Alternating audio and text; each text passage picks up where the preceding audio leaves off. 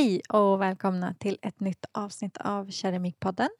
Och eh, som vanligt så hör ni mig, Sanna Alvtegen. Och så hör ni mig, Frida Karlsson.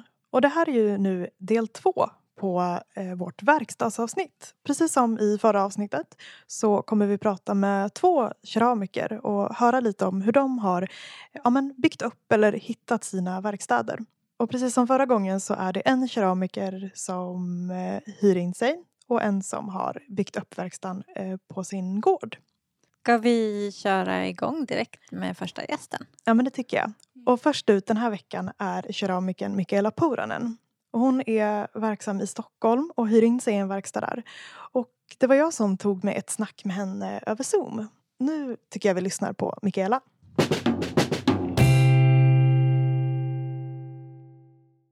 Nu hör ni mig, Frida Karlsson, och med mig på länk så har jag Mikaela Puranen. Hej Mikaela! Hej! Kul att få vara med. Hallå! Vad roligt! Ja, men jätteroligt att du, att du kunde vara med. Eh, och jag ser ju att det står lite gipsformar och eh, grejer bakom dig. Jag antar att du är i din verkstad just nu? Ja, precis. Så du ser mina gjutformar där bakom. Ja, men exakt. Och vi kanske ska börja lite med, med dig som keramiker. Eh, vem är du och vad, vad gör du för, för keramik egentligen? Eh, jag funderar på hur jag ska svara på den här frågan för jag gör så himla mycket olika saker. Och när, vissa har ju verkligen så en nisch, alltså, ja, men det här är det jag gör. Jag kan liksom inte hålla mig till en grej. Men om man ska sammanfatta så kanske det ändå är mest bruksföremål. Eh, både drejat och kavlat och handbyggt. Men eh, också en del skulptur och mer och mer på sistone har jag tyckt att det är väldigt kul att bygga för hand och göra så lite större grejer. Eh, sen är det oftast något djur eller naturtema med också. Ja, det bottnar väl i att jag, jag har pluggat marinbiologi i fem år och, och tycker det är väldigt kul med djur. Så de kommer ofta med. Ja, de är, de är jättefina. Och, ja, det känns som att du ofta kombinerar ja, men, skulpturala uttryck med ändå att det smyger sig in en liten funktion. Inte i mm. allt, men i, i ganska mycket av, av dina skulpturer också. Ja, nej men det är sant. Jag tycker faktiskt det, ja, det är väldigt kul när man kan när saker är liksom vackra och kan stå för sig själva men att man också kan använda dem. kan sticka en liten blomma i eller eh, ja, vad som helst. Oftast blir det i vaser. Mm, jag förstår. och den här platsen som du sitter på nu, din verkstad, vad, vad är det för utrymme? Mm, det är, jag hyr i andra hand tillsammans med tre andra Eh, och det är en liten lokal på Södermalm i Stockholm. Uppe på Mariaberget. Och det är liksom supermysiga kvarter här omkring. Jättefint. Eh, men själva rummet är, ja, men det är vitmålat, täckt av hyllor. Och ganska litet. Det kanske är 25 kvadrat eller någonting. Så det, det är ja, liten men naggande god brukar vi beskriva den som. Och hur länge är det som du har varit på den här platsen? Eh, jag har varit här sedan augusti förra året, så 2020. Och innan det så satt jag i Gustavsberg i andra hand också. Och där var jag ungefär nio månader. Eh, men ja, så snart ett halvår mm. här. Och när du var i Gustavsberg, det var något form av, eh, vad ska man säga, vikariat nästan? Eller eh, hur gick det till när du hade den platsen? Ja, ja precis. Det var också i andra hand. För man, om man ska vara med i liksom deras förening där så behöver man ha gått Konstfack eller vara med i KRO eller något liknande. Så för att få ett förstahandskontrakt så är det liksom lite högre krav. Så jag hyrde i andra hand när det var en som var föräldraledig. Mm, jag förstår. Ja, det är ju som, som eh, bostadsmarknaden nästan. Man får liksom jaga ja. runt efter de här utrymmena. Det verkar vara för många en ganska lång väg till att bygga upp den här ja, drömverkstan kanske man aldrig någonsin får men, men ändå. Nej, men bara trygghet vore mm. ju skönt. ja men verkligen. Och sen när du, när du hamnade där du är nu, hur, hur gick det till när du eh, ja, började hyra in dig där? Um, Ja, både den här och Gustavsberg var faktiskt via Instagram. Att Jag skrev så här, hej jag söker verkstadsplatser, är det någon som vet någonting? Och första gången så var det han som jag hyrde av i Gustavsberg som bara, ja men du jag ska vara föräldraledig, vill du hyra? Ja, absolut, det vill jag. Och här var det någon som tipsade mig om att ja men jag har hört att det ska bli en ledig plats där borta, du borde kontakta den här personen. Och så gjorde jag det och så fick jag vänta ganska länge. Men sen blev det så himla bra timing så precis när mitt kontrakt i Gustavsberg gick ut så fick jag flytta in här. Så jag behövde inte ta någon så här ofrivillig paus i alla fall. Ja, men vad skönt. Ibland eh, ska man ha lite tur. Ja, det känns mm. som att, det är, att Instagram kan vara ett väldigt bra sätt liksom, för att förmedla. Eller in, inte bara kunna förmedla sin keramik men också ja, men de här kontakterna man får. Tänker, du är ju mm. ja, men, ofta väldigt aktiv på Instagram och har ju ändå byggt upp en ganska stor följarbas där. Så, mm. Mm. Ja, alltså det har varit eh, guld i den här situationen faktiskt. Mm. Och, äh, väldigt trevligt annars, de är så gulliga också som följer mig. ja. ja, men fint att folk ändå engagerar sig och liksom hjälper till när man, ja. när man jagar, jagar ställe och sådär. Verkligen. Mm. Men, eh, och där, där du är nu, vad skulle du säga liksom är för och nackdelarna med ja, din verkstad i dagsläget? Mm.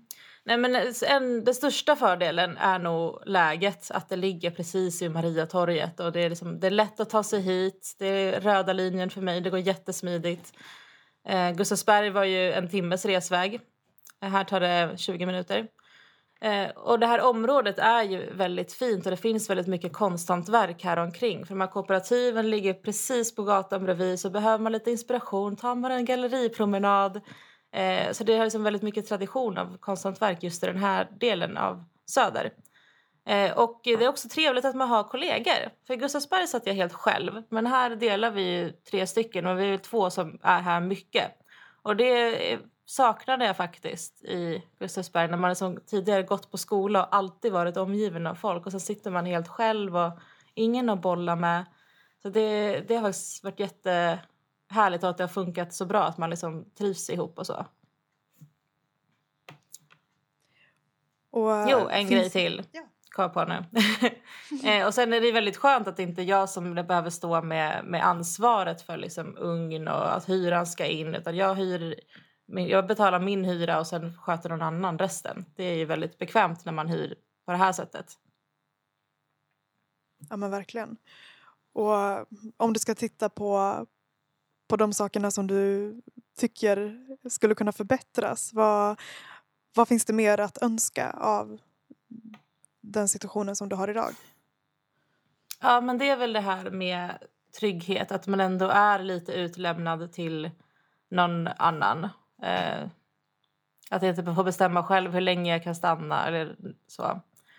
Eh, så framförallt trygghet, men också att den här lokalen är väldigt liten. Så det är inte så mycket förvaringsutrymmen och så. Så det skulle jag önska lite mer. För om man gör det här på heltid och särskilt om man gör liksom så många olika saker som jag gör då blir det lätt väldigt mycket material. Så jag har liksom flera olika sorters leror. Jag har gjutformar, glasyrmaterial, typ tio olika glasyrer. Ja, vad har jag mer?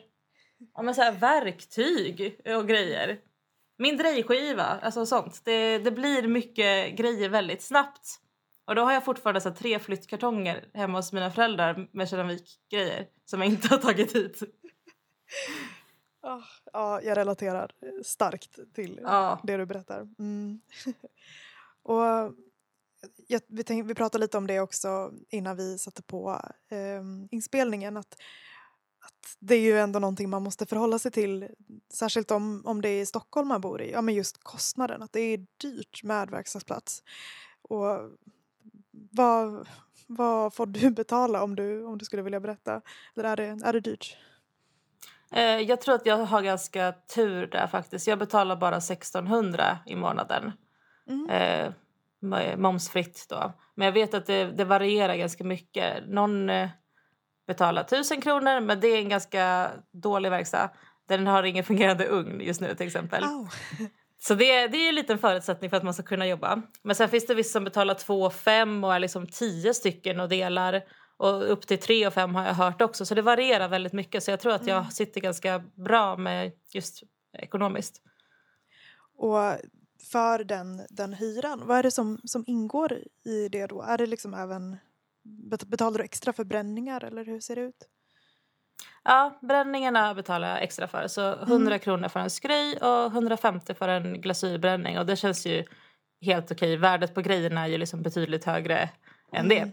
Ja men. Eh, Men det, det ingår väl att jag får vara, komma och gå hur jag vill. Det vet jag att vissa verkstäder inte heller har. Så då måste man boka in sig så att jag ska vara här den här tiden. Jag har egen nyckel och kan vara här som jag känner för. Och det är väldigt skönt. Mm. Eh, Men det ingår inget material eller så utan jag har tagit hit allt själv. Ja men jag förstår. Och även, ja men det är din egen drejskiva sa du också. Ja, Mm, precis. mm. Det finns en drejskiva här så, som är verkstans. Eh, så den brukar min kollega sitta vid. Men jag hade en egen och det fanns plats för den så jag tog med den. Så behöver inte jag vara så noga med att städa så att någon annan ska tycka att det ska vara fint. Ja det är ju, det är ju jätteskönt. Ja. Och du fick ju också, ja men, ett kanske lite tråkigt besked för några dagar sedan att du faktiskt kommer behöva byta verkstad snart igen. Och det är ju, ja men, en del av den här dansen att, att, att hitta rätt om man hattar runt.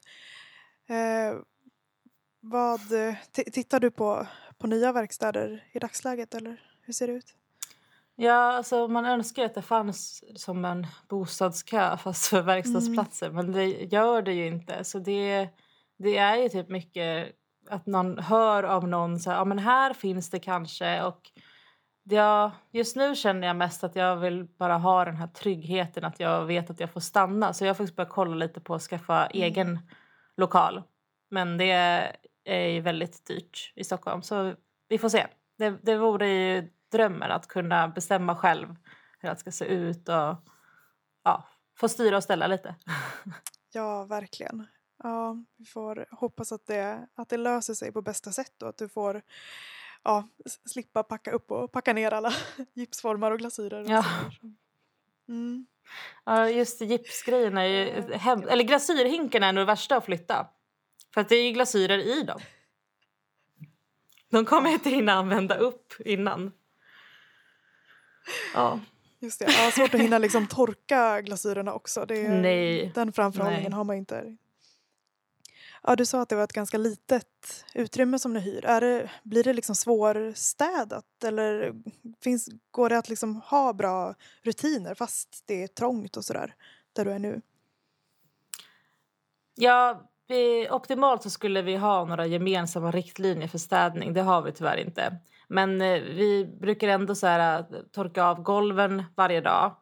Eh, och det är trägolv så det är inte heller optimalt. det Ja, lägger sig liksom lite lerdamm i sprickorna mellan plankorna och så. Men det, ja, vi gör så gott vi kan. Och man städar ju alltid undan allting efter sig när man går. För man vet ju inte ifall det kommer någon annan som ska jobba här innan man kommer tillbaka. Så det är ändå lite skönt. För när jag var själv i Gustavsberg då kunde jag lämna det för jävligt ibland om jag hade liksom bråttom hem.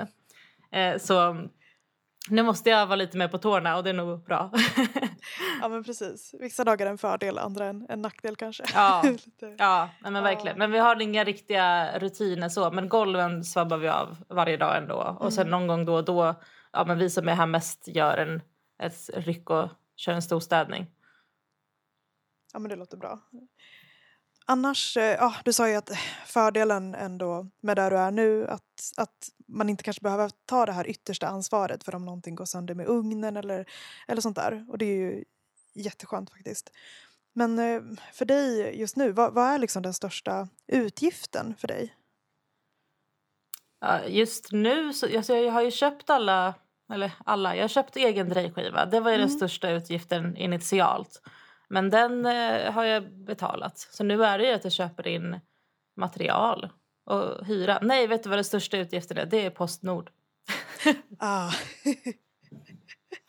Men eh, förutom det, nej material är nog dyrare. Men det, jag kollade på mitt bokslut eh, 2020, jag har lagt 19 000 på frakt. Det är Jäklar. helt sjukt. ja. Oj.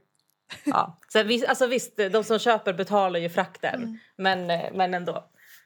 Eh, nej, men annars är det, det är materialkostnader bara som är Mm, mm. det som kan sticka iväg ibland. Det köper man inte varje månad heller. Ja, men precis. Om det är så att du framöver kommer ha möjligheten att bygga upp en, en egen verkstad eller vara lite mer självbestämmande. Mm. Vad känns som det viktigaste för dig då att få till? Ehm, bra förvaring tror jag är viktigt. Och att man har en tydlig... Alltså om man, då kommer jag inte att sitta själv, då kommer jag att dela. Att man har bra gemensamma rutiner för hur, hur ska städning skötas och men, mycket kommunikation och- överlag. Liksom, vad, vad gäller här? Eh, och eh, ordning och struktur. Och, fram, och också här vi sitter väldigt kallt nu. Det är minus 15 grader ute. Och det drar så fruktansvärt. Så optimalt så skulle det inte vara något drag i den nya verkstaden. Mm. Jag sitter i underställ varje dag nu. Och om du får drömma, kanske inte helt realistiskt utan drömma fritt, en drömverkstad en dag. Hur ser den ut för dig? Eh, Den har fönster ut mot gatan. Många av de lokaler som är billigare som jag har tittat lite på nu det är källarlokaler och det känns ju inte lika roligt. Så helst skulle den ha liksom stora fönster ut mot gatan. Liksom inte jättetrafikerat men ändå så att det går förbi folk som kan liksom kika in och bli sugen på att köpa en saker. Eh, sen får det gärna vara en butiksdel först när man kommer in. Kanske även ett så här gallerihörn där man kan ta in lite utställare och en verkstad bakom. Ska man sitta där och jobba och så kommer någon in och så bara kan man sälja lite grejer och återgå till att dreja eller vad man nu håller på med.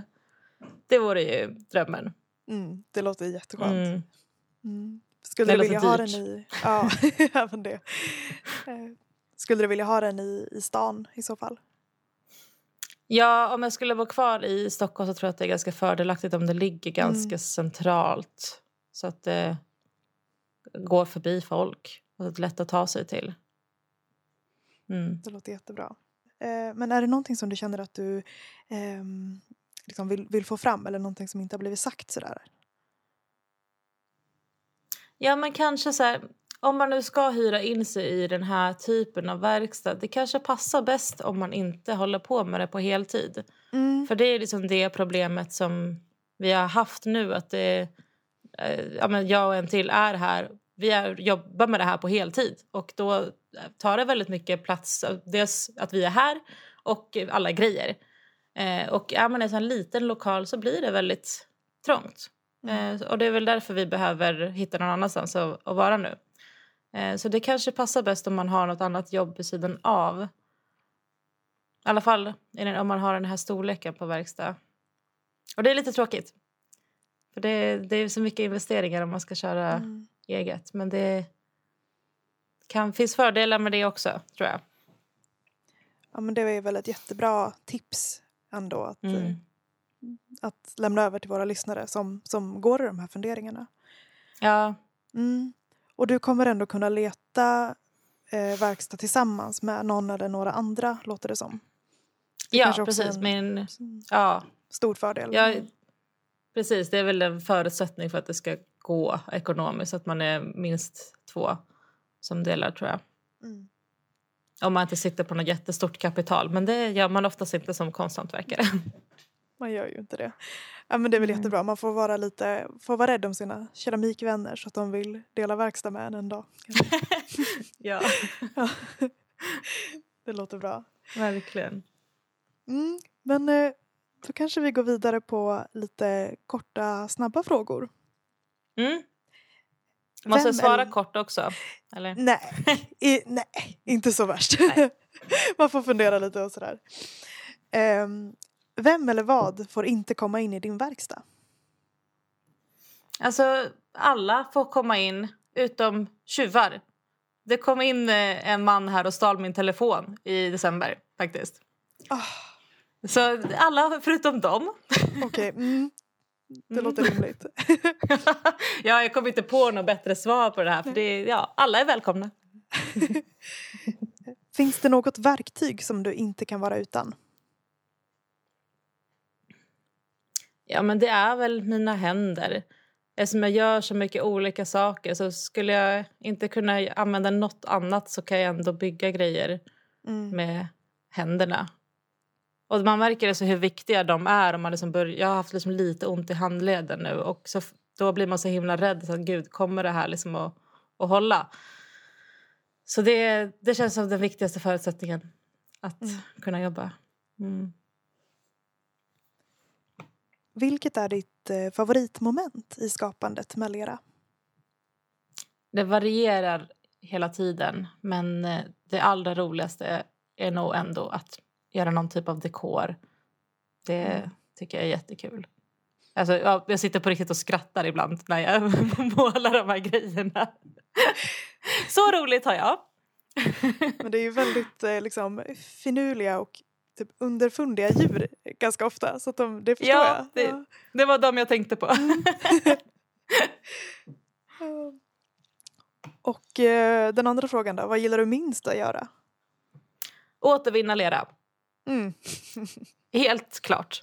Jag vet att många svarar glasering på den här frågan. Och det, ja, det är helt okej, tycker jag. Det är inte så kul att torka bottnarna. Men det, att knåda upp gammal lera är ju hemskt, Mm. tycker jag. Lyssnar du på Men något nödvändigt. Ja, oj förlåt, hackar. Ja, ja. Mm, bra. Ja, men jag tänker det är ju många som, som inte gör det alls. Det känns ju som ett ganska stort resursslöseri. Så det, man får tänka på det i Ja. alla fall. Mm. Verkligen. Det, det är ju liksom gratis lera man får tillbaka känns det Ja. som när man väl har gjort det där jobbet. Så det är, Exakt. ja, men det är trist. Eh, lyssnar du på något i verkstaden och vad i så fall? Ja, nästan jämt faktiskt. Antingen är det poddar, bland annat Keramikpodden. Uh. Eh, ja, eller musik. Eh, eller så slår jag bara på P1. Men det är nästan Eh, alltid någonting. Mm. Är det någon gång som det är liksom kritiskt och du inte kan ha någonting på eller funkar det alltid? Eh, det funkar alltid, men däremot kanske inte allt funkar alltid. Om det är liksom någon podd jag verkligen vill så här, höra då, då kanske jag slår på någon lugn playlist istället. Om det är Mm. något. Men jag vet inte när det skulle vara. Det... Om jag behöver skriva någonting då kan jag inte lyssna på podd. Mm. Men det gör jag inte så ofta. Så. Om man eh, vill veta mer om dig och den keramik som du gör, var kan man då hitta mer information om dig? Eh, Instagram är väl bästa källa för där lägger jag upp Ja, men jag är ganska aktiv där, så vill man se det senaste så är det där. Eh, och där heter jag Mikaela Puranen och det stavas med PU även om det uttalas Puranen. Eh, och, eller min hemsida, mikaelapuranen.se. Ja men toppen. Och till sist så undrar vi vem eh, som du tycker att vi borde prata med i Keramikpodden. Jag tycker ni ska prata med Linda Engström som är min gamla klasskompis. Hon har startat egen ateljé i Nyköping och hon har massa roliga temakurser för sig. Så här experimentkurs en dag liksom och hittar på jättemycket roliga idéer och är så himla driven och har också ordnat, eller ja, jag har också varit med på ett hörn men hon har verkligen drivit klimatsalongen så hon har väldigt stort liksom, miljö och klimatengagemang och tänker mycket på det i, i sin produktion också. Eh, och även eh, Linn Island Liffner som har startat drejverkstan här i Stockholm. Hon har också så här otroligt stort hållbarhetstänk och liksom verkligen tänkt på det när hon har, by- hon har byggt upp en helt ny verksamhet som öppnade nu i år. Eh, och hon har jättemycket bra grejer att säga, både hållbart liksom, ja, stresssynpunkter som för en själv och även liksom miljö och eh, klimat och så. Så de två tycker jag ni borde prata med. Ja men jättebra tips. Tack så jättemycket. Det, det tar vi med oss till eh, kommande avsnitt. Tack.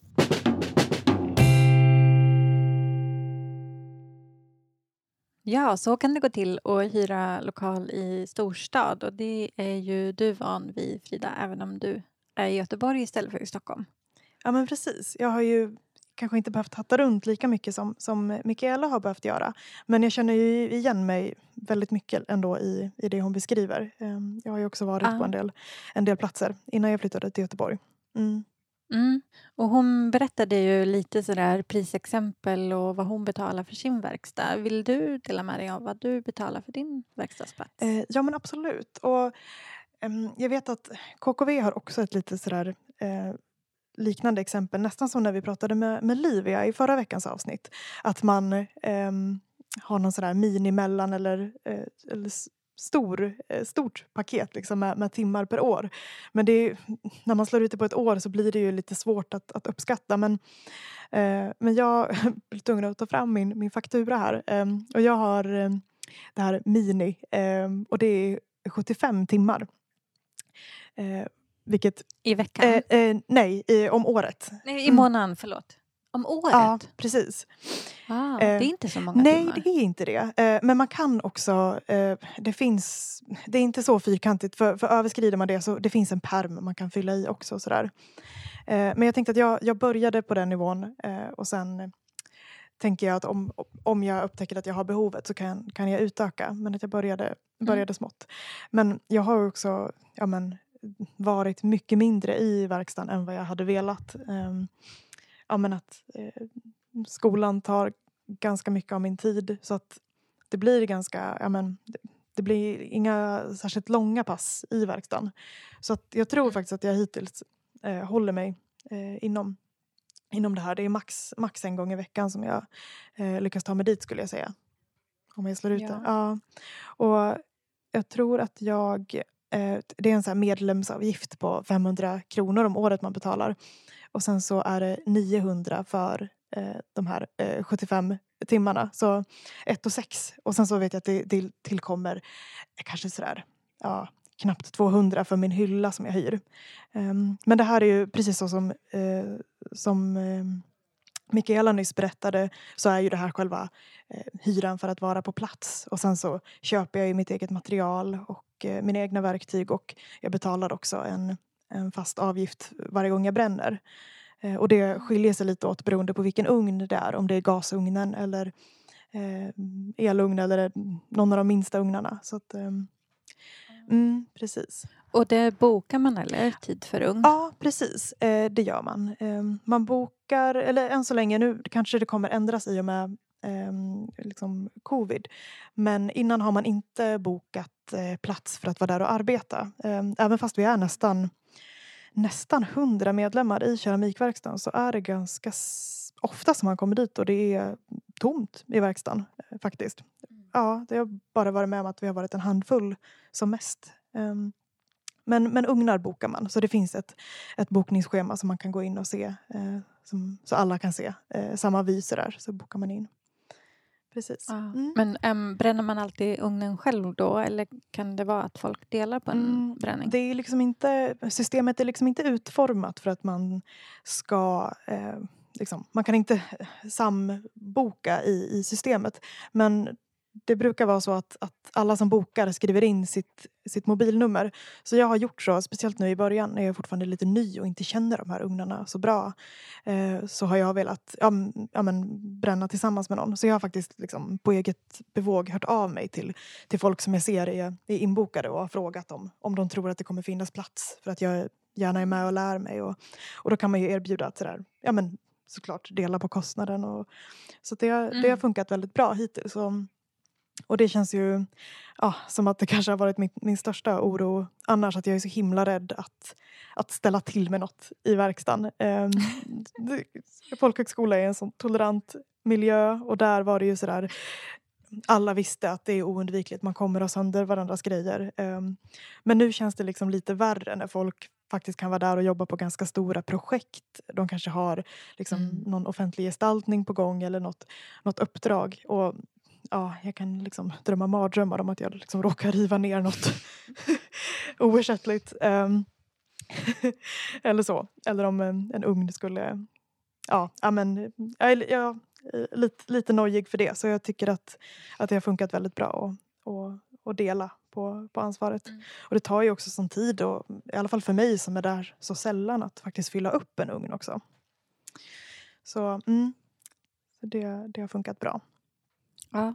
Mm, vad, vad bra att det går Mm. att liksom kontakta varandra Ja. och hjälpas åt så. Precis, man får liksom lösa det Mm. bäst man kan.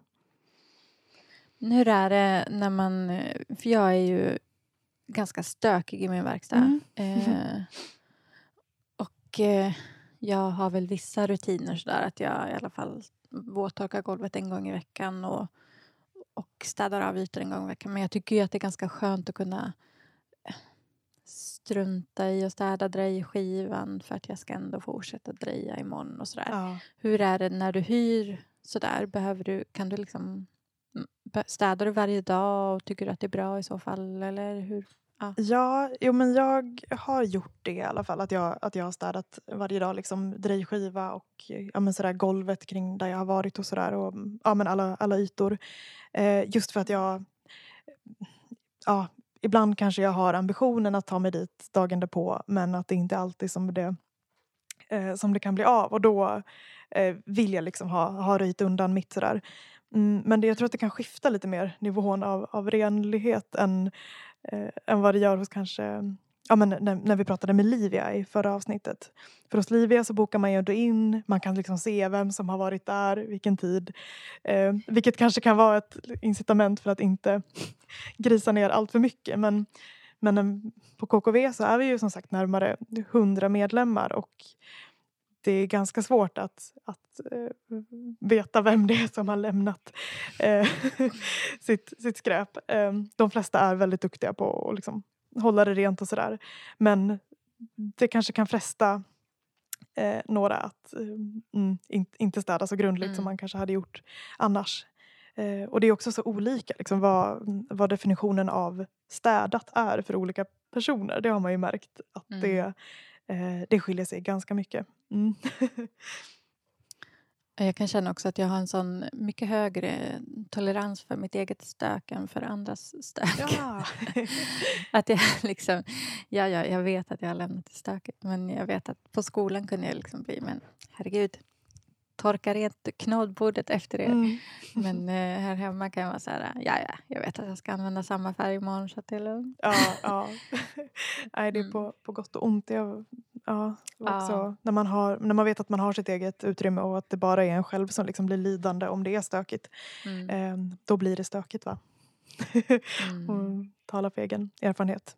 Så för mig är det nog Mm. ganska bra att behöva hålla efter. Om Mm. just det blir, ja, det blir så rörigt snabbt. Jag har liksom svårt att, att hålla det organiserat om jag inte, eh, om jag inte måste.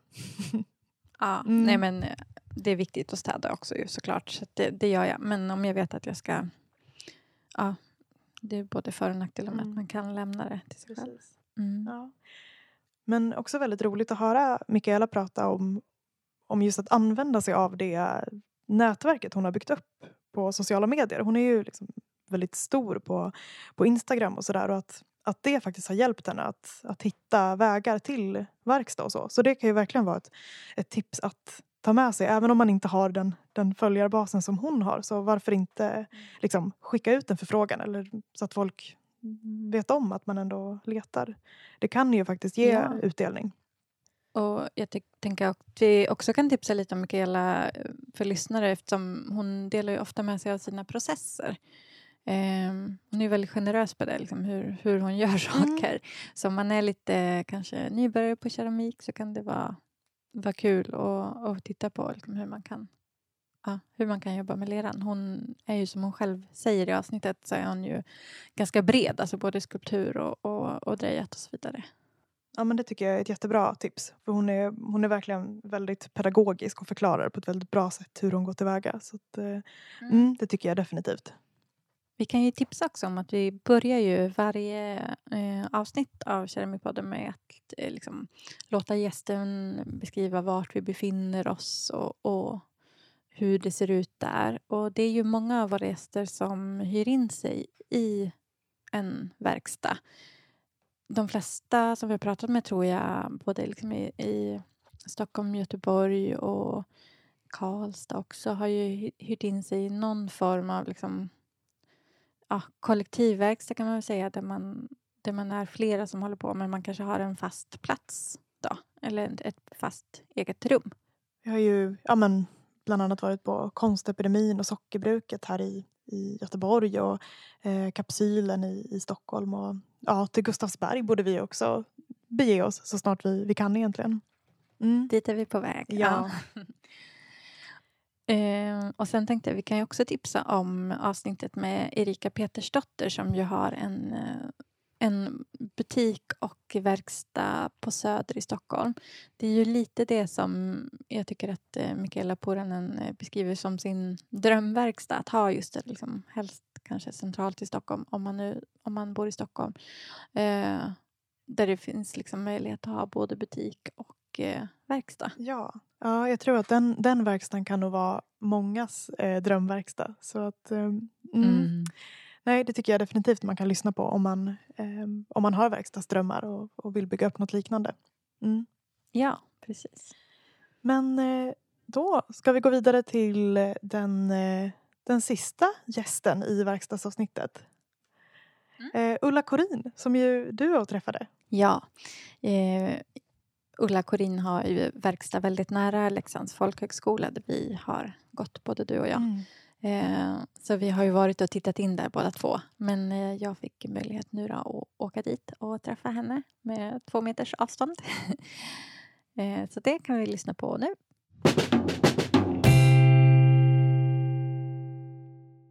Då sitter jag i Leksand i Ulla Korins verkstad. Hej Ulla! Hej Sanna! Vad roligt att eh, vi får kika in här, Keramikpodden. Mm. Kan inte du börja bara för våra lyssnare och berätta vad, vad gör du för keramik och vem är du? Jag gör keramik i min väldigt lilla verkstad här i Leksand, hemma på gården. Och det jag jobbar med är väldigt varierande om man tittar utifrån.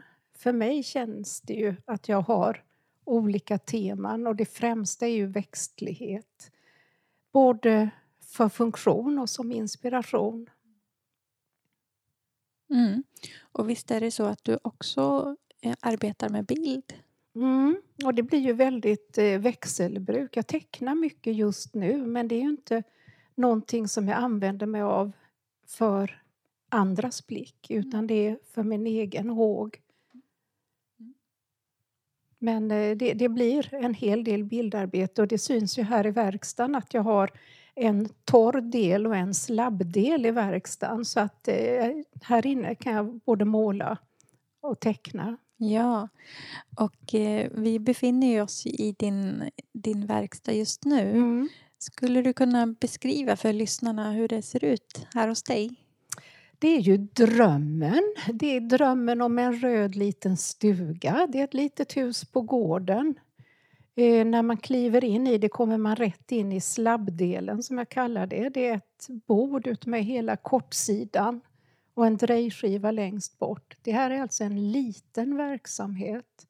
Huset är ungefär 30 kvadrat.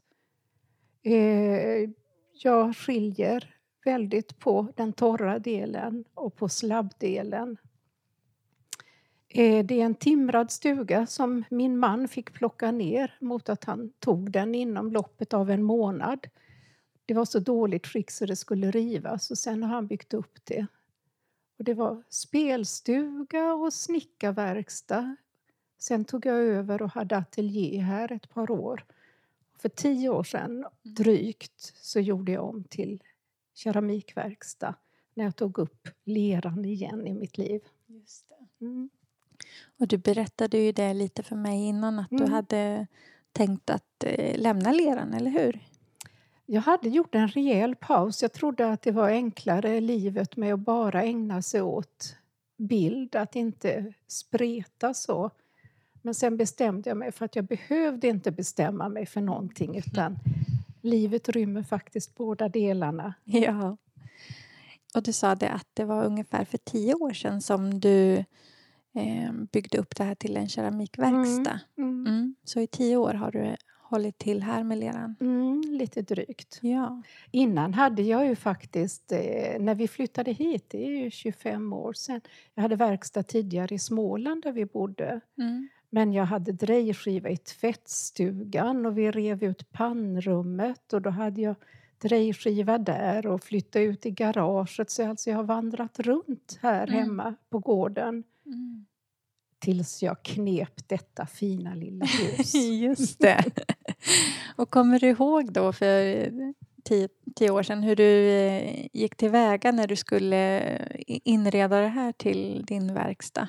Mm, jag gjorde samma tabbar som jag gjort tidigare i livet. Jag var på Kapellagården på sommarkurs för Kenneth Williamson. Det var det som gav mig nytändningen.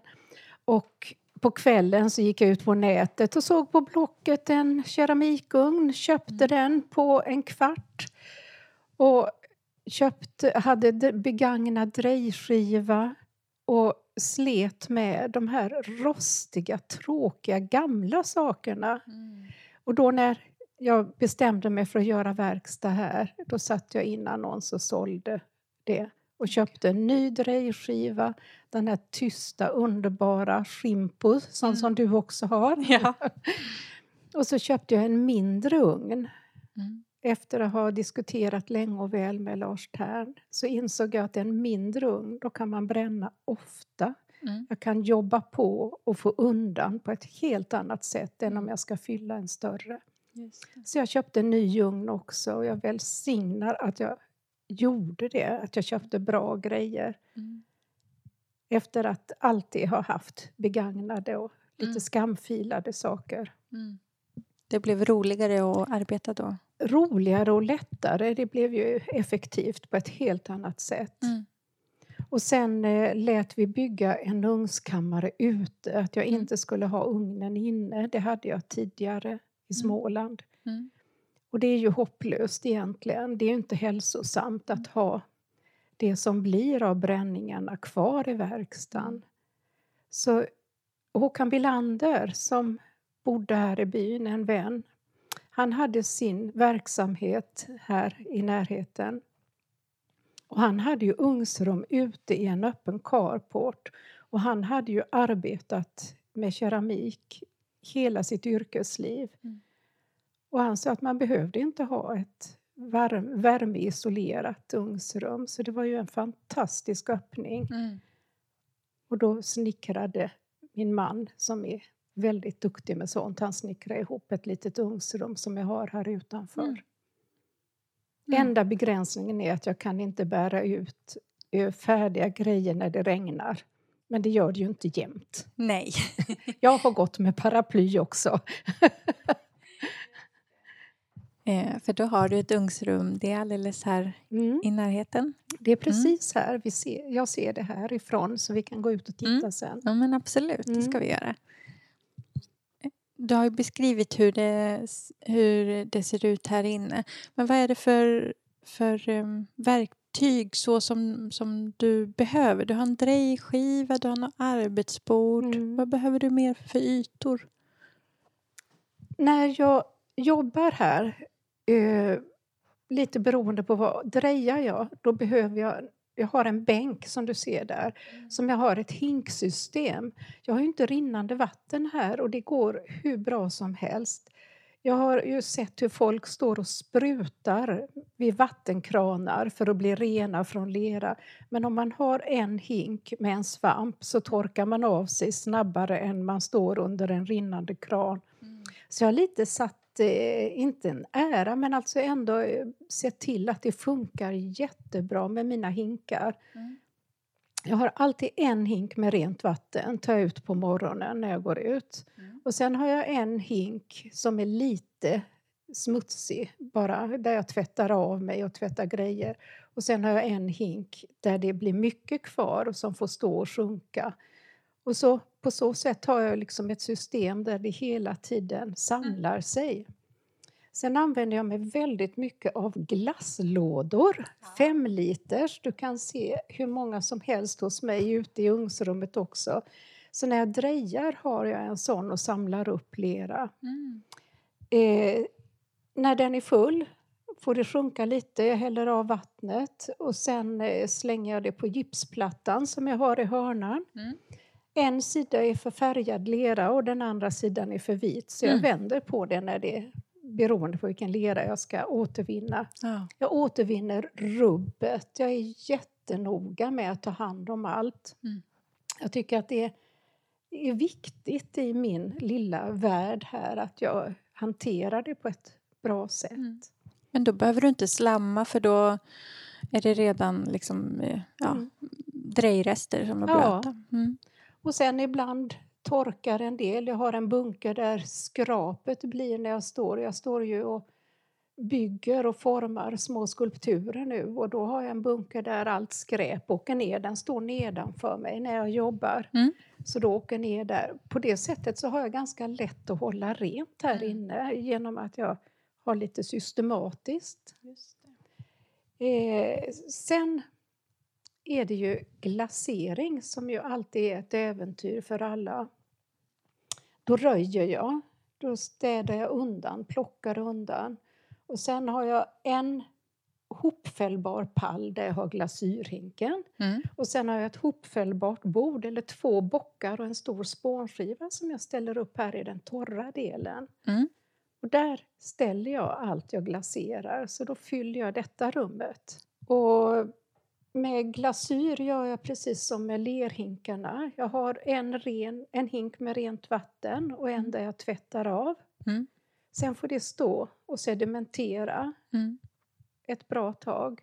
Och sen har jag en hink under bänken som är min eh, glasyrhink. Och där häller jag över allt det som har sjunkit ner, som har blivit över när jag tvättar.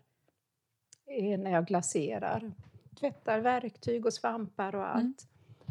Och eh, den hinken har jag ett lock på men inte täckande så att det vattnet dunstar och jag hela tiden Mm. kan fylla på. Mm.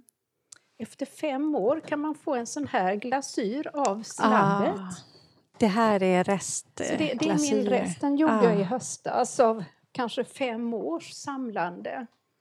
Det ska jag ta en bild på. Och, Den är eh, jättehärlig. Det är ju... Jag använder ju inte så väldigt mycket råmaterial. Jag har några få begränsade glasyrer. Eh, jag har en del terrasigillata och angob och det tvättar jag ju också ur i den glasyrhinken. Så jag får ju en mix som jag aldrig kan återskapa. Nej, Men eh, visst är den snygg? den är jättefin. Den är lite gröngrå. Mm. Väldigt eh, ja, kall skog. Mm. Eh, det var om glasyr. Men alltså jag gör ju om verkstaden med olika bordskivor då så Mm. utifrån vad jag ska syssla med. Mm. Så jag kan inte hålla på med olika moment samtidigt Mm. utan drejar jag så drejar jag. Och glaserar jag så glaserar jag. ja. Och bygger jag så är det det jag gör. Ja. Mm. Det är ju den lilla verkstaden. ja. En, en eh, grej till, det står några småpytsar där bredvid och det är glasyrtester. Jag gick en kurs för Kristina Sko Kristiansson, heter hon väl. Danska Kristina med sina glasyrskulpturer. Jag gick en kurs för henne i experimentell glasyr på HDK. Och hon sa, sätt aldrig en ugn utan ett test. Mm. Och det försöker jag hålla, för det tycker jag är en sån jätterolig ja. Tanke. Så här har jag blandat köpeglasyrer med aska ifrån den öppna spisen och gjort lite olika mixar ah. som jag tycker är väldigt lovande. Vilken, vilket bra tips att ta med sig. Att Mm. sätt aldrig en ugn utan ett test. Då blir det ju alltid lite spännande också. Det är väldigt roligt alltså för att man kan ju överraskas utan att göra stora Mm. äventyr. Mm. Ofta känns det som att man ska satsa så himla mycket om man gör glasyrprover och så. Mm. Men egentligen skulle jag ju helst bränna reduktionsbränningar med Mm. askglasyrer. Det är ju det som jag tycker är överlägset vackrast. Mm. Men jag har en elugn och jag får förhålla mig till det. Mm. Men eh, om, om vi kastar oss in lite här på glasyrer eftersom Mm. vi ändå pratar om det. Mm. Du både blandar själv och har några färdigköpta. Mm. Mm. Mm. Det stämmer. Och då blandar du dem här inne i verkstaden? Jag försöker att göra sådana moment när det är fuktigt väder Mm. och plusgrader och jag kan stå ute men jag har mask. Mm. Jag ser till att inte damma särskilt mycket. Det är ju sådana ämnen, råvaror som inte är skadliga för att jag står ute. Alltså de gör ingen skada i att det hamnar Mm. lite i luften. Utan det är ju att andas in som är Mm. Haken. Mm. Men du försöker att göra det när du kan vara utomhus? Ja, Mm. och gärna att det ska vara fuktigt väder. Mm. Det är Mm. samma med gips, det gör jag på sommaren. Mm. Jag kan stå ute. Nu gjorde jag en liten gipsform här för jag behövde till mitt projekt. Mm. Men då, jag, ser till att inte damma särskilt mycket. Mm. Skakar inte. Sen blir det ju alltid lite ändå. Mm. Men Jo. jag hanterar det mesta med väldigt försiktighet och det gör ju att det blir begränsat Mm. vad jag gör. Mm. Och det med ugnen, du har en elugn Mm. som du har här ute i, i Mm. skjulet eller Mm, i, i den mm, boden. Och det är väl självis- självventilering då om det är en Ja, ganska det är gles? det. Jag var ju eh, noga även med det eftersom vi pratar nu om att starta Mm. verkstad så eh, med brandskydd. Eh, det var ju Mats, som, eh, Mats Svensson Mm. som jag haft som lärare på folkhögskolan. Eh, han eh, var ju noga med att påpeka att man ska ta kontakt med kommunens brandtillsynings någonting. Okej. Ja, så det gjorde jag och har satt upp en skiva i taket fast det, det är ju aldrig varmt i taket. Nej. Men jag gjorde alla de grejerna ändå. Mm. Försäkringen är ju viktig att Mm. man har koll på. Har man gjort en sån sak så går man ju fri. Just det. Och vad står din ugn på? Står den på någonting? Den står på sina ben, Mm. höga ben. Och, och under är det trägolv eller? Det är ett trägolv men där är det stenplattor under ugnen. Och vad har du satt upp i taket för någonting sa du? Det är en särskild eh, värmeisolerande platta som Mm. man köper på byggvaruhus. Den behövs ju inte överhuvudtaget egentligen, Mm. men eh, det är ju gott att ha det. Mm. Det blir ju ingen värme, jag kan ju inte lägga handen på ugnen men alltså det är ju inte varmt runt om. Nej. Det är en rund ugn som du Ja. har? Mm. Och den köpte du ny sa du? Den köpte jag ny, jag diskuterade ganska ingående med Lars Tern då av någon anledning. Och fick jättebra synpunkter av honom. Mm. Där han rekommenderade just en mindre ugn Mm. och med lite större diameter än höjd för att kunna göra stora fat till exempel och stora objekt. Jag bygger ju lite på sniskan och diagonalen och har skaffat mig en måttsticka som jag har för att se alltid att jag kan få ut högsta höjd. Så den här Ah. skulpturen kommer jag bränna i två delar. Ah. Och jag har haft liksom måttstickan då så att jag är noga med att jag får plats. Så att du vet. Mm. Ja, vad smart att ha en Så sån. Man hittar Ja. lite lösningar. Begränsningar kan ju ge lite fiffighet på Ja. köpet. ja, verkligen. Har du något fuktskåp eller så här? Som Du Nej. har? Nej. Jag har såna här stora plastlådor där jag har lera. Mm. Men eh, drejar jag eller bygger något så håller jag det med plastpåsar. Mm. Det funkar Mm. bra. Jag tycker inte att jag skulle behöva något fuktskåp. Nej. Inte i den skalan jag jobbar. Om du drejar då på morgonen, beskickar du det samma dag eller täcker du det? Oftast dagen efter. Mm. För att det blir ju en hel del. Det är skönt att köra olika moment. Mm. Drejning en dag, beskickning en annan. Mm. Och då, då går det bra med, med att ha plast Ja. över så Mm. håller det sig. Mm.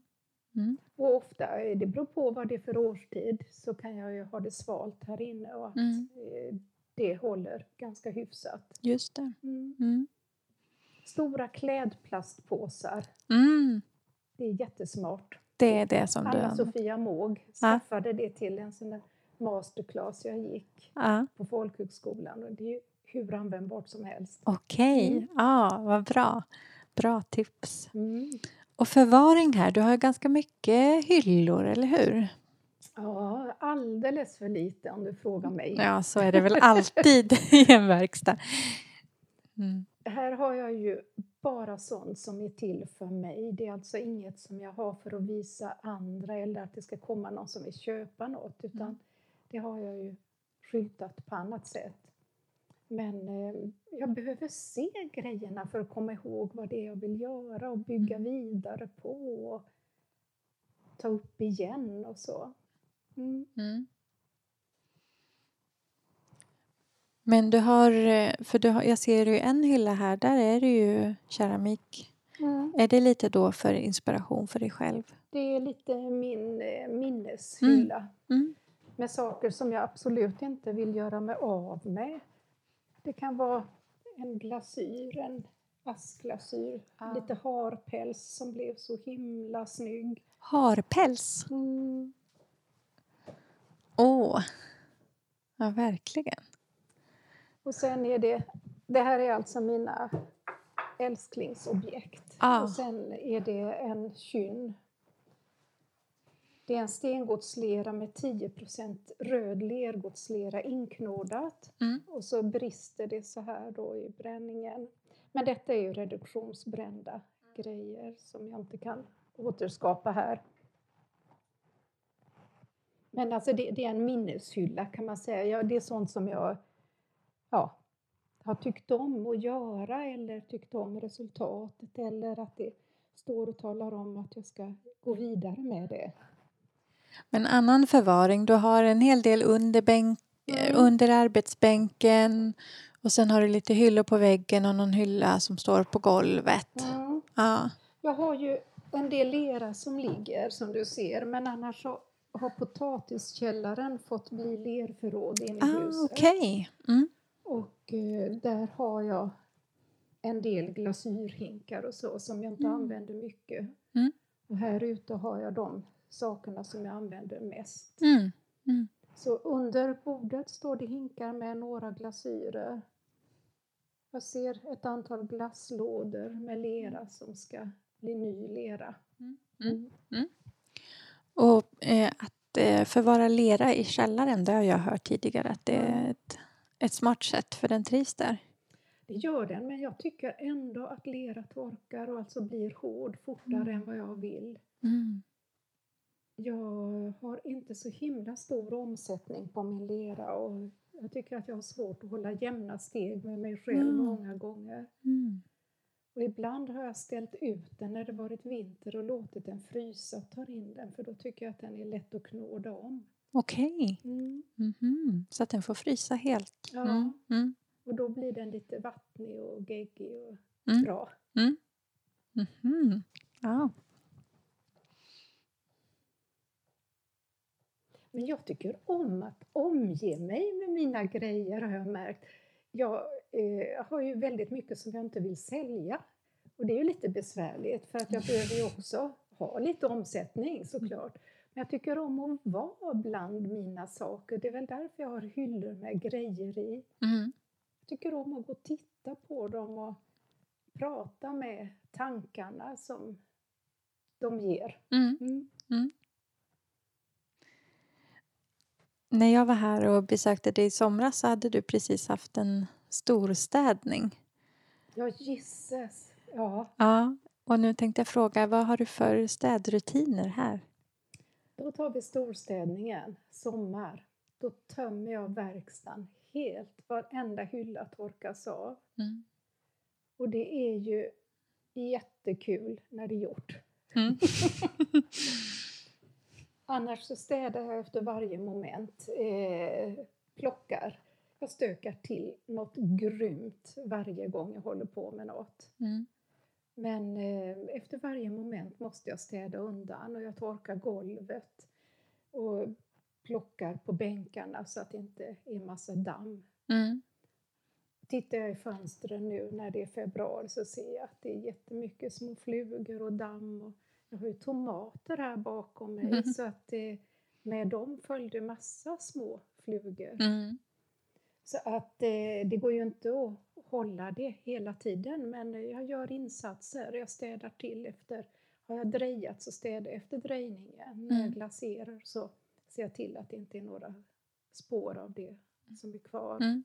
Då städar du varje dag innan du går härifrån. Nej, det, ofta är jag här för länge så jag blir så trött när jag går in och hungrig. Men eh, eh, ja, var och varannan dag. Alltså, Mm. jag, jag, jag, jag torkar alltid undan bordet. Mm. Och drejskivan tycker jag också om att ha hyfsat ren. Mm.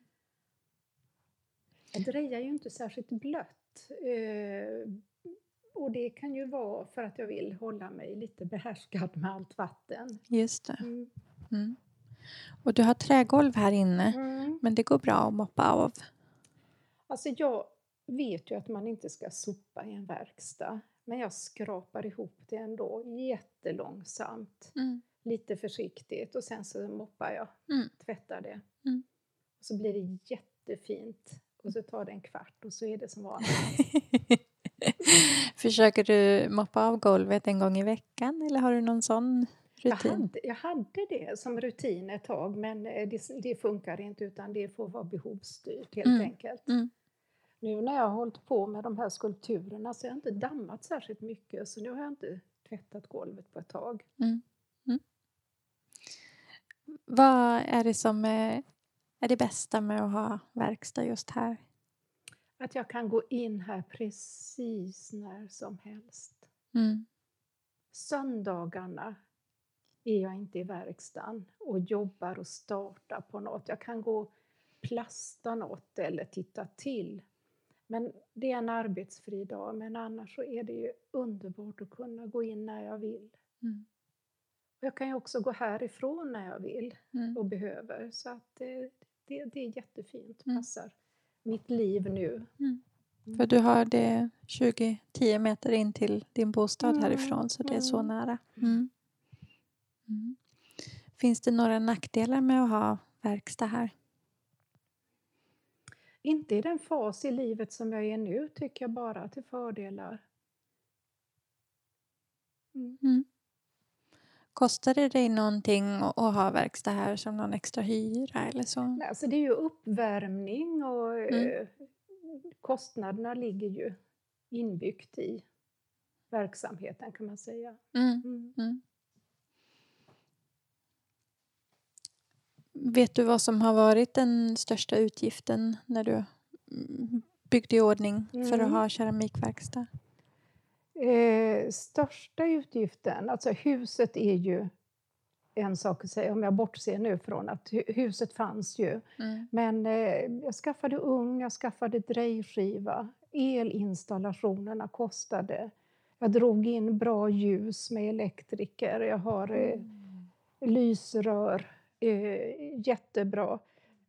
Det är också sånt som jag har slarvat med tidigare så att det kändes väldigt välgörande att satsa Mm. ordentligt.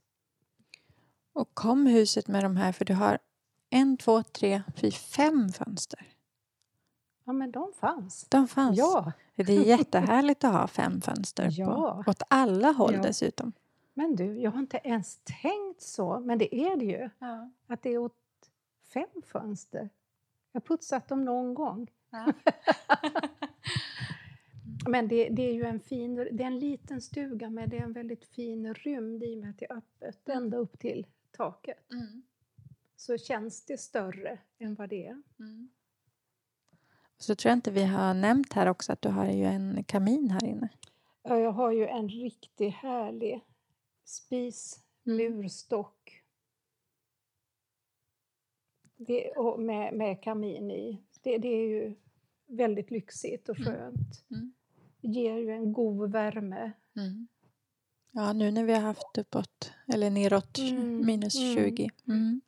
Sen ger det ju också en viss atmosfär att ha en sån. Mm. Den delar ju huset, det har vi inte sagt, men alltså det, den står mitt i rummet. Så Mm. att eh, stökdelen i verkstaden är på ena sidan och nu Mm. sitter vi här i den delen med bord och lite Ja. stolar och så. Mm.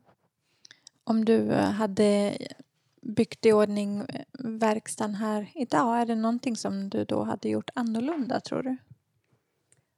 Ja, eh, jag hade nog varit mer genomtänkt när det gäller hyllorna. Det här är ju sånt som jag köpte på Blocket och jag plockade ihop gammalt och köpte på loppis. Och, men jag, jag hade nog tänkt till på ett annat sätt. Nu har det fått bli som det har blivit helt enkelt, fått växa lite allt eftersom. Den här bänken eh, gjorde min man för ett par år sedan bara och den är ju värd väldigt mycket. Här ställer jag ju upp saker emellanåt när jag Mm. jobbar. Alltså torra grejer kan stå på tork och Mm. som nu står ju mina skulpturer här och väntar på bränning. Mm. Eh, så den är väl det enda som har varit riktigt genomtänkt. Mm. Den, en hylla är också skräddarsydd hit men annars så har det blivit hopplock och det, det är på gott och ont. Det funkar men eh, det hade kunnat vara mer effektivt. Mm. Har du kommit på någon smart lös lösning sådär som du vill dela med dig av som ett tips för den som står inför bygga verkstad?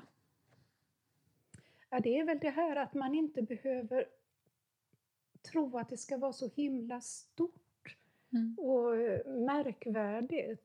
Eh, att tänka till var man ställer av sina saker. Och då är det ju tillbaks till hyllor.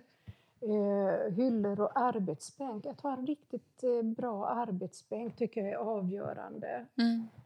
Nu är det ju flera olika bord jag satt ihop men det blir ju en bänk där jag har allting inom räckhåll. Mm. Och en bra gipsskiva är Mm. ju oumbärligt, Ja. måste jag säga.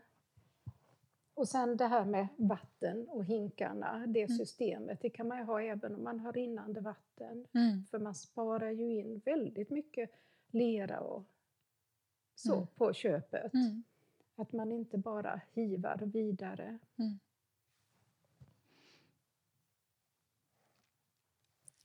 Är det någonting särskilt som du är extra nöjd med med din verkstad?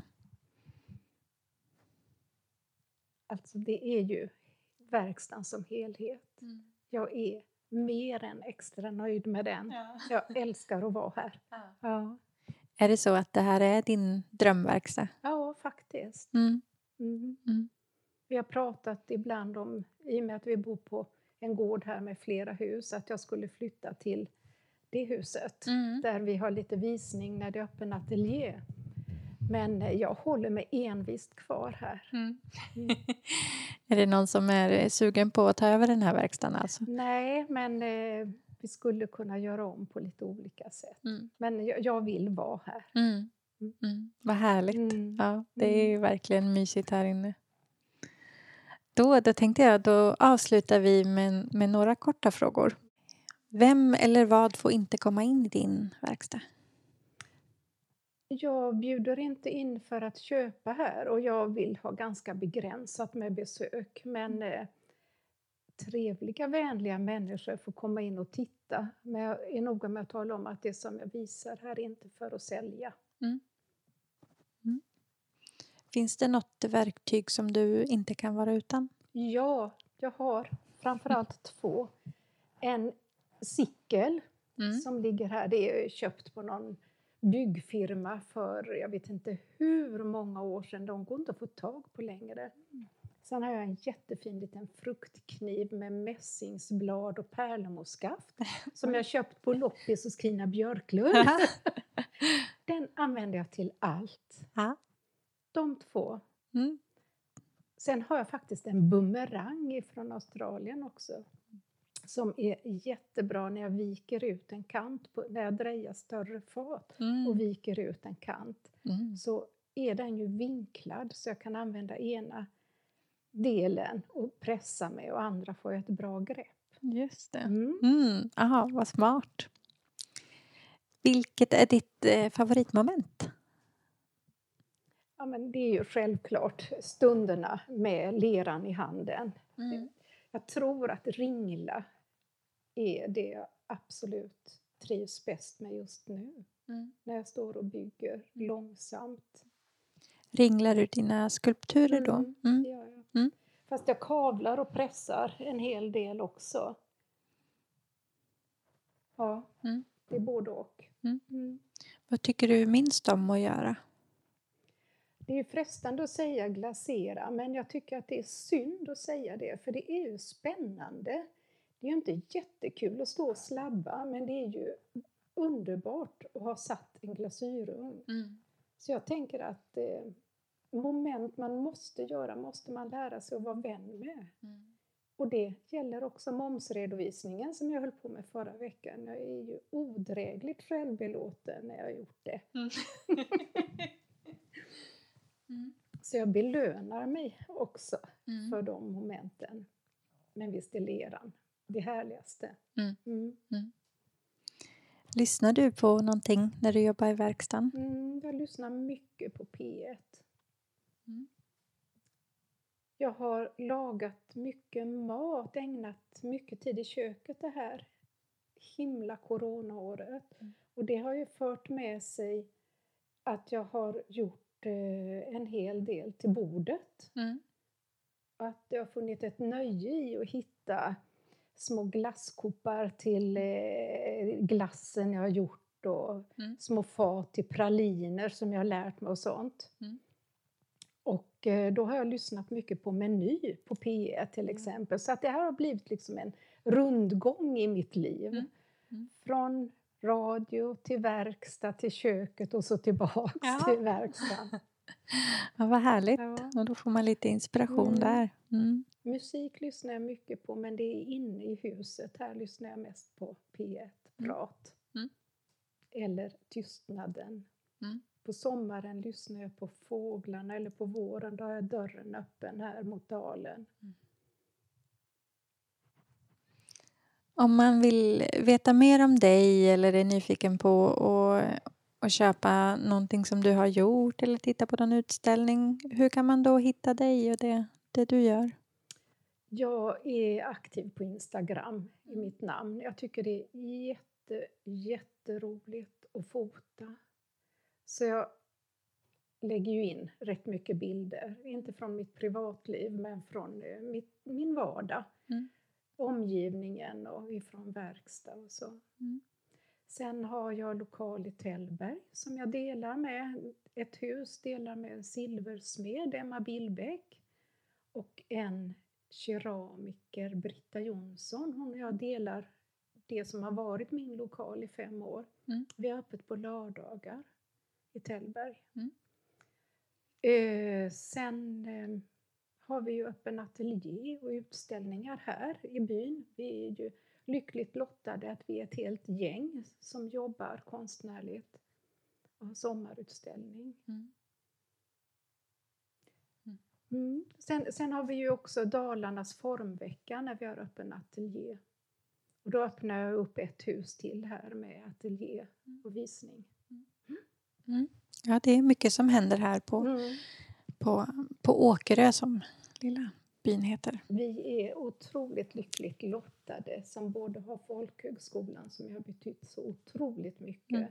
för så många. Inte minst mig. Mm. Mm. Och sist så undrar vi, vem tycker du att vi ska prata med i Keramikpodden? Ja, alltså jag måste säga två. Och då säger jag åk till Öland och passera Inger Södergren i Kisa. Henne får ni inte missa. Verkligen. Inger Södergren. Mm. Och eh, hon har jobbat mycket internationellt också med sin keramik. Sen tänkte jag faktiskt på en vän, skabbekatten, David på Öland.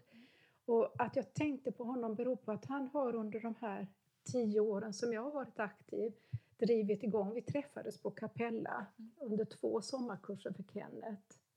Men han har alltså drivit igång en verksamhet som jag tror betyder väldigt mycket, inte bara för honom utan för bygden. Och det tycker jag är det så intressant, hur han kan jobba både konstnärligt och pedagogiskt och driva upp en verksamhet i glesbygd.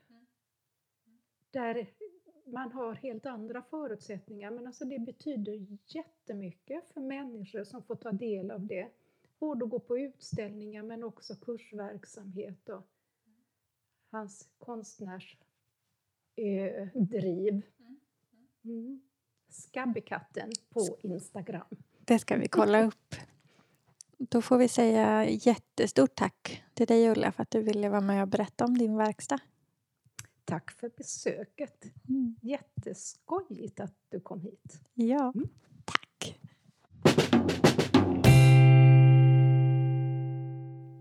Vad fint att få lyssna till eh, dig och Ulla prata om, eh, om hennes verkstad där. Och något som jag tänkte på det är att varken du eller Ulla har ju eh, rinnande vatten i verkstaden. Och hur, hur tycker du att det har funkat för dig, Sanna? Jag kan säga att det har funkat bättre sen jag träffade Ulla för att jag har verkligen tagit till mig av hennes tips. Mm. Eh, det här systemet som hon har med flera hinkar. Ja. Eh, och jag känner verkligen igen mig att gud vad jag spar vatten jämfört med när man hade vatten liksom rinnande i kranen. Mm. Eh, men det är ju så himla bra med att det är så lätt att återvinna lera. Så att all lera egentligen, liksom det som blir när man drejar eller så, det, det spar man. Och sen om man har vatten som man kanske tvättar av sig i som inte blir så... Om man kanske inte vill återvinna den leran som hamnar i botten där jämt för att Ja, men du vet hur det kan mm. lukta när det mm. kommer in och hårstrån eller sådär. Eh, men det är så himla... Det är, det är ju bara lera, så den kan man ju hälla ut i trädgården precis som både Ulla och Emma har beskrivit ja. att de gör. Um, och glasyrspill som att, att ha en egen hink för att när man torkar av glasyrer och sen använda det. det ja. Mm. Jag kan egentligen inte tillföra något mer. Jag bara säger tack för, för att jag har fått ta del av de här tipsen. Ja, jättemånga väldigt bra tips därifrån. Det, det mesta verkar gå att lösa. Och jättesunt mm. sätt också att, att se på, på tillgången till vatten.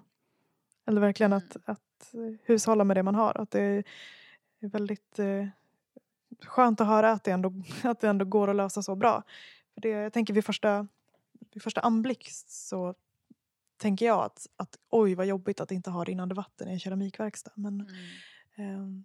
eh, skönt att det ändå har eh, gått bättre än väntat och att du har fått med dig mycket tips därifrån. Mm. Men och sen tror jag att man får välja att göra vissa saker. Om man har liksom en verkstad så här på gården kanske nej, men man har inte ett jättelättstädat betonggolv med liksom ett avlopp i, mm. som man kan bara hälla ut vatten. Då får man vara lite sådär tänka säsong. Mm. Jag har, min verkstad är så pass ny så jag har inte hunnit haft den i ett år än. Men jag märker ju redan nu att jag, ja, men vissa saker är bättre att göra i sommar. Till exempel i sommar kommer jag att slamma jättemycket lera. Det är ingen idé att jag håller på med det nu för det blir för trångt. Mm. Men det kan jag göra utomhus i sommar. Ja. Och något annat som jag tänkte på nu eh, under samtalet med dig och, och Ulla det är att eh, alla gäster som vi har pratat med nu i de här avsnitten har ju faktiskt köpt eh, en ny ugn. Men det har ju faktiskt inte du gjort. Kan inte du berätta lite om, om din ugn och hur du fick tag på den? Jo, absolut. Ugn är ju det är ju jättejobbigt. Ja, det är uh, skräcken för, för mig. Men, Nej, men det är svårt för jag kan känna igen mig i som flera av våra gäster säger. Liksom man, man vill att det ska funka och man kanske är, man är mer intresserad av att jobba med leran än att liksom, ja, kolla så att elementen är bra i en mm. gammal ugn. Um, men jag hittade ju min ugn via P4 Sök och finn. Eh, jag har letat i flera, flera år på Blocket men eh, jag tror inte att jag är ensam där för att de går direkt om det är en, en ugn som man liksom ser direkt är fräsch.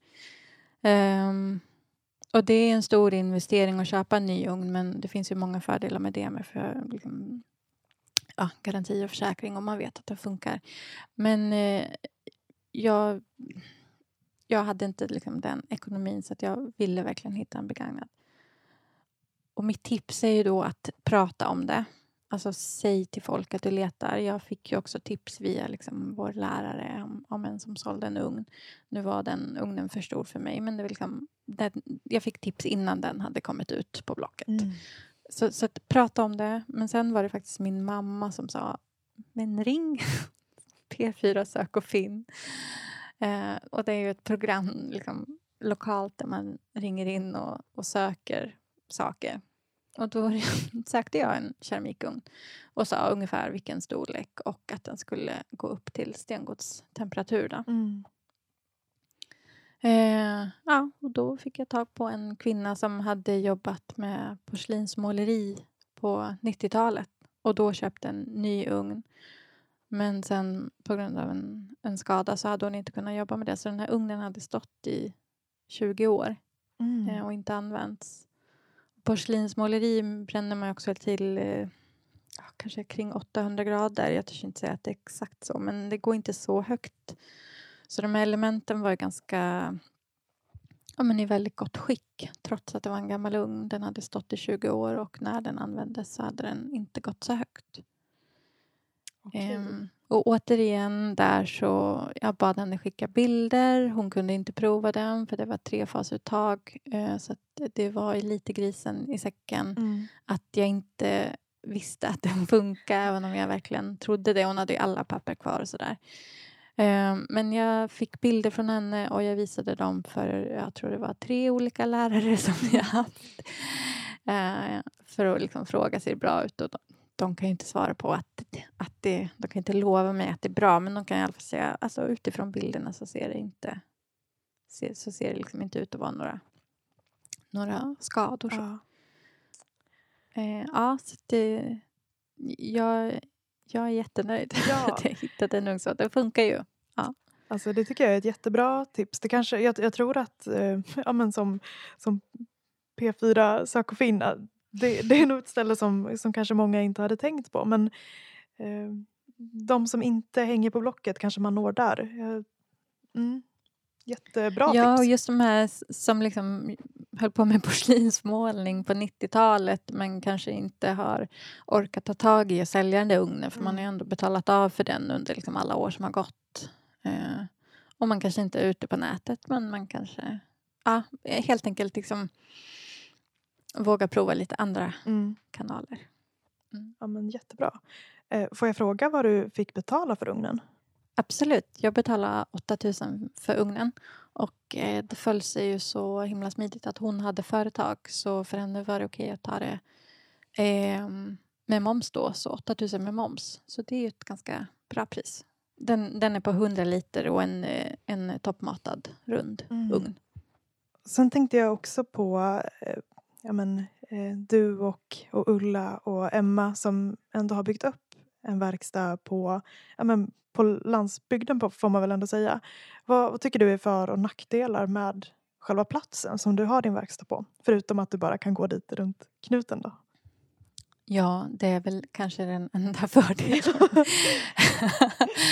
Nej, men eh, det är väl också det här lokala. Eh, jag har varit med i Gagnef har en konstrunda så att då kan ju folk hitta mig. Men jag, ligger i, jag bor ju lite, jag bor inte liksom i, i, i centrum av, av kommunen så. Men eh, på sikt får jag ju fundera för det, på det. Just nu så har ju inte jag plats för en butiksdel men kanske att eh, i sommar att det blir lite gårdsförsäljning och så. Både eh, Ulla hon hyr ju också i Tällberg har hon en butiksdel och eh, även Emma har eh, butik i Plinsberg. Mm. Men jag antar att det ändå måste vara, om man tänker rent kostnadsmässigt, ändå en ganska stor fördel för dig. Ja, Mm. absolut. Det, det är ju ingen hyra. Ja, Så det är bara att min man sitter och håller koll på vilka dagar jag har bränt ugnen för då går elkostnaderna upp. ja, mm, ja den kanske är svår att komma ifrån. Ja, det jag tror att det ändå är, Mm. är okej. Men Sanna, till sist, kan inte jag få ställa några verkstadsrelaterade korta snabba frågor till dig? Jo, om jag får göra detsamma sen. Absolut. Lyssnar du på något i din verkstad? Jämt. Alltid. Ja. Ehm, jag äter ljudböcker. Minst, minst två ljudböcker i veckan tror jag. Mm. Men också på podcast.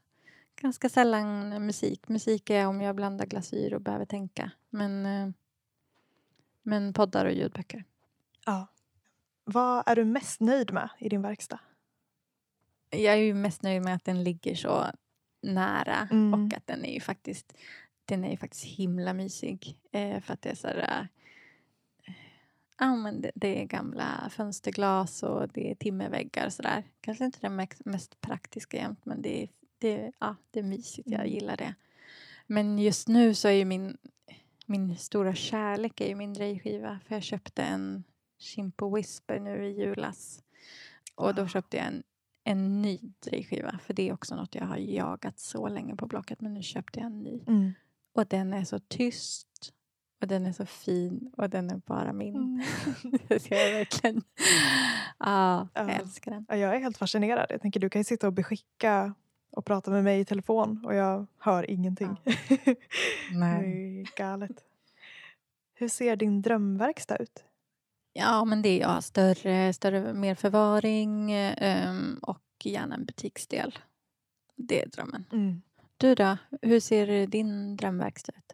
Ja, ehm, jag tror på sikt att jag nog skulle vilja bo i Dalarna igen om jag ska tänka längre fram. Så i så fall hade ju drömmen varit att bo lite på landet, ha, kanske inreda ett utrymme i liksom en, en stor lada.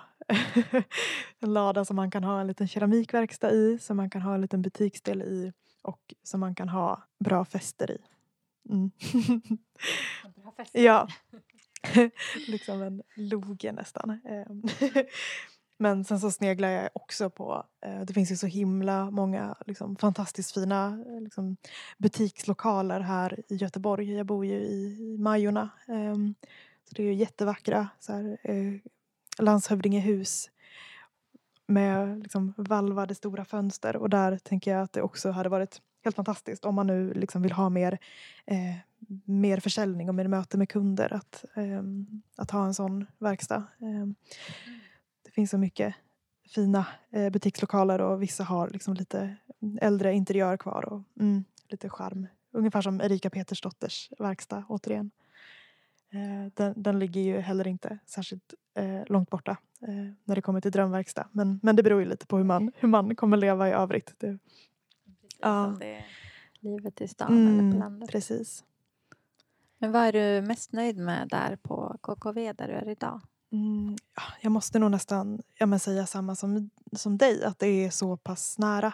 Eh, att jag liksom inte behöver eh, planera innan jag åker dit, att jag bara kan promenera eller ta cykeln och det går så snabbt. Eh, och speciellt nu i, i pandemitider har det ju varit så bra att jag inte har liksom behövt åka kollektivt eller så. För, för det hade nog varit en, en stor ehm, ett stort hinder för mig. Eller då hade jag nog varit där ännu mer sällan än vad jag har varit.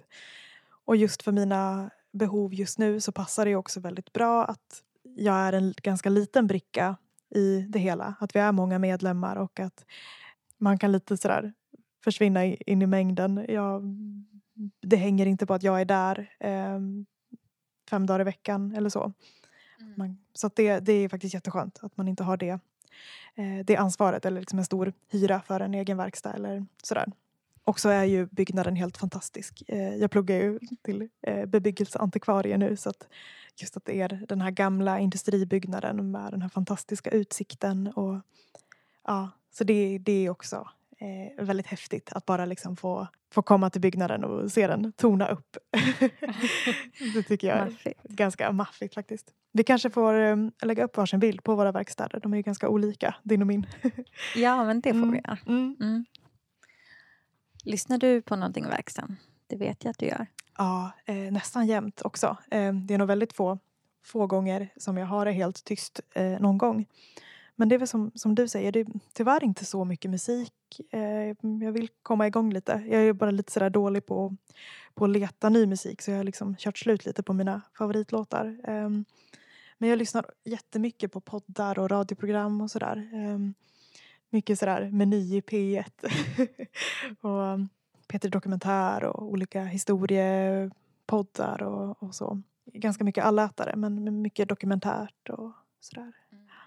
Jag brukar muta mig själv med på fredagar att jag städar. Och då lyssnar jag Åh. på, då sparar jag Flashback Forever-podden. Ja! Och också mitt senaste fynd som är så Ursäkta-podden. Eh, som är två personer i typ 20-årsåldern som, ja, de är bara så roliga. Jag känner mig väldigt gammal när jag lyssnar på det men jag skrattar också. Det är ett bra tips att bara lyssna på något som Ja. får tiden att gå när man ska städa. Då blir jag Ja, men liksom väldigt bra. Man får hitta sina, Mm. sådär, ge sig en morot. Jag tänker på Eva Cetri som vi träffade för några avsnitt sedan som ju la fram en liten bakelse eller vad det var när hon skulle glasera. Eh, Jag tyckte det var, det har jag faktiskt tänkt på Ja. efteråt. det, det är inte Ah. en helt dum idé. Nej, och Mm. där är ju Ulla också en sån inspiration. Hon mm, sa till mig att eh, när vi skulle boka in möte så sa hon att, eh, att hon höll på med moms och hon kunde inte ses då. Men hon hade liksom lovat sig själv att ingenting, ingen del i processen skulle vara tråkig. Eller Mm. liksom, så hon, hon, hon är verkligen bra på att se till att det blir Ja, att, att alla moment blir bra. Sen är hon ju också en fantastiskt positiv person. Ja. det tror Ja. jag lyste igenom i inslaget. ja, det Mm. finns, eh, det finns mycket gott att plocka från våra gäster. Ja, verkligen.